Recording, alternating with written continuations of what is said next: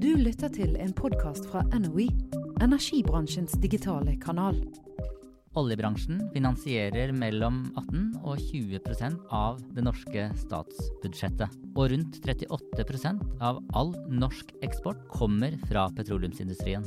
Hvordan dette blir i fremtiden, det er usikkert. Det avhenger både av etterspørsel etter olje og gass, og det avhenger av hvor mye olje og gass vi produserer. For å kunne fortsette å produsere olje og gass på norsk sokkel, så er det viktig med nye utbygginger. Og før man kan bygge ut, må man levere inn en plan for utbygging og drift, ofte kalt PUD. Sammen med Enerys redaktør Anders Li Brenna har jeg intervjuet olje- og energiminister Terje Søviknes og toppsjefene i noen av oljeselskapene på norsk sokkel. Dette i forbindelse med at det i desember leveres inn hele ti pudder som gir investeringer på til sammen 125 milliarder kroner. Tygg litt på det. 125 milliarder kroner. Dette skal vi få høre mer om, men først tar vi en prat med avtroppende statssekretær Elnar Remi Holmen i Olje- og energidepartementet. Hva er egentlig en PUD? PUD, eh, som vi liker å kalle det for, det er en eh, godkjenningsplan for utbygging og drift av oljeprosjekter på norsk sokkel. Og det er sånn at Når selskapene jobber frem et funn, som de har gjort, så må de levere dokumenter frem til oss, der de eh, skal søke om å få godkjent sine utviklingsplaner på norsk sokkel. Men hvor ekstraordinært er det at man leverer inn ti pudder i løpet av én måned? Dette er ganske ekstraordinært, og spesielt ganske ekstraordinært er det på en god måte fordi at vi har vært gjennom en tøff periode.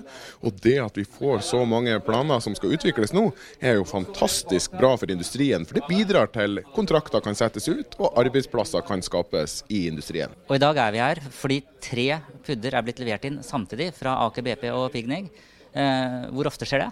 Det skjer ikke ofte. Det har faktisk ikke skjedd før. Så det er faktisk en ekstra god eh, luke i adventskalenderen at det skjer. Det er ikke bare Elnar Remi Holmen som koser seg med adventskalenderen. Også Carl Jonny Hersvik, administrerende direktør i Aker BP, har kommet i førjulsstemning. Vi har hatt en uh, vidunderlig morgen. Uh, vi har levert tre pudder på tre viktige prosjekter på norsk kontinentalsokkel. Det er Valhall Vestplanken, som er en tieback til Valhallfeltet sør i Nordsjøen. Så det er Ærfugl, som er en videreutvikling av Skarvfeltet i Vøringbassenget, dvs. Si Norskehavet. Og så har vi til slutt eh, skogull, som er da en tieback til Alvheimfeltet i Nordsjøen. Hvor mye inntekter regner dere med å få fra dette? Nei, Vi regner med, en, med dagens pris, dvs. Si rundt 60 dollar fatet. Så regner vi med at det er inntekter for ca. 70 milliarder norske kroner. Mange prater om at oljebransjen er på vei ned, men dere satser som bare rakkeren. Hva gjør at dere satser? Nei, Vi er helt overbevist om at norsk sokkel er et ekstremt attraktivt sted å være. Det er nå nummer én. Nummer to, vi er ganske overbevist om at her er det mulig å gjøre grep, som må disse puddene viser, som driver ned kost per fat, og som gjør denne bransjen lønnsom og sustainable og i et langt perspektiv. Du lytter til en podkast fra NOE, energibransjens digitale kanal. Det er i og for seg hyggelig at utbyggingene skal bidra til store inntekter for oljeselskapet Aker BP, men hva betyr det for deg? Vi har spurt olje- og energiminister Terje Søviknes om dette. Hvor mye skatteinntekter vil dette bidra til for landet vårt? Dette betyr veldig mye. For det første så gir det jo en sysselsetting i utbyggingsfasen og driftsfasen deretter, som er viktig for olje- og gassbransjen og som er viktig for hele landet. Og så gir det jo òg store skatteinntekter. Tar man utgangspunkt nå i de 70 milliardene som er anslått som salgsinntekt på, på de ressursene som ligger i disse tre prosjektene her, så snakker vi om 52 milliarder i skatteinntekter òg over produksjonstida. Her er store verdier, og det at vi får henta opp disse ressursene mens vi fortsatt har, tillegg, har overordna infrastruktur til stede i disse feltene, er ekstremt viktig for oss i et ressursforvaltningsperspektiv. I de siste årene har norsk industri tapt mange store prosjekter til verft i Asia. Det har ført til lavere aktivitet på verftene våre og færre arbeidsplasser i norsk industri. Vi spør Carl Jonny Hersvik, toppsjef i Aker BP, om hvordan det står til med norsk konkurransekraft. Disse prosjektene, En av grunnene til at disse prosjektene er blitt så bra, er jo det tette samarbeidet som vi som operatør og partnerskapene har hatt med norsk leverandørindustri.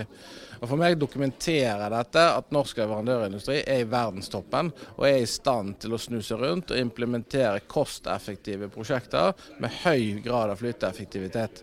Jeg tror det er viktig å merke seg at det, å ha en konkurransedyktig ut i leverandørindustrien i Norge, er et fundamentalt krav dersom vi som eh, på norsk kontinentalsokkel skal være konkurransedyktige fremover. Og Det er kjempehyggelig å se at nesten alle av de eh, prosjektene som nå kommer ut, er faktisk vunnet i fri konkurranse av norsk leverandørindustri. Noen dager senere leveres det inn flere pudder. Denne gang er det oljeselskapene VNG og Repsol som leverer inn pudder for henholdsvis Fenja og Yme. Anders Li Brenna i Energy tok en prat med Atle Sonesen, administrerende direktør i VNG Norge. Kan du bare fortelle litt kjapt eh, Hvorfor er denne denne pudden så viktig for dere? Den er viktig fordi at eh, det beviser at vi har lykkes med vår eh, strategi. Det med å lete, det med å finne, men òg utvikle dette til, til lønnsomme fat. Ehm, det var første eh, oppgave som operatør. og det vil være med å løfte oss opp i en, i en, en annen liga når det gjelder aktører på, på norsk sokkel. Så det er mange årsaker til at denne er viktig, og det er en historisk Eh, egentlig hendelse for, for VG Norge. Du lytter til en podkast fra NOE, energibransjens digitale kanal. Desember er altså en måned med mange pudder, denne gang for investeringer på en samlet sum på 125 milliarder kroner. Hvorfor hoper det seg slik opp mot slutten av året? Anders Lie Brenna spurte olje- og energiminister Terje Søviknes om dette. Det er jo sånn at uh, det har vært tradisjon for, eh, for, mange selskap å jobbe fram uh, prosjekt mot en investeringsbeslutning i desember. Dels fordi at de store prosjektene, som er over 20 milliarder i, i investeringskostnad, de skal til slutt behandles i Stortinget. Og for at vi skal få nok tid i departementet gjennom vinteren og rekke å fremme en en eh, sak for Stortinget før påske, så er desember en viktig måned å få levert i. Eh, fordi eh, selskapene ønsker gjerne da å få en endelig stortingsbehandling før sommerferien, altså i løpet av vårsesjonen. Betyr dette at det blir stille i januar og februar, at da hører vi ikke så mye fra oljebransjen lenger? Nei, det ser ut til at det kan tikke inn noen utbyggingsplaner òg i løpet av første halvår 2018. Så eh, det blir ikke stille, det kan jeg love. Og samtidig så er det jo veldig mange av de prosjektene som nå er levert, som eh, skal følges opp gjennom 2018 med ytterligere tildeling av kontrakter osv. Til, til norsk leverandørindustri. Veldig stor norsk andel i disse prosjektene vi har fått i år. og Det setter jo jeg veldig stor pris på, fordi det dokumenterer at industrien har gjort mye riktig de siste to-tre årene med å klare å ta ned kostnader og bli konkurransedyktig i et globalt marked. De siste årene har norsk oljeindustri gått gjennom en krevende omstilling. Hvordan 2018 blir, for tiden vise.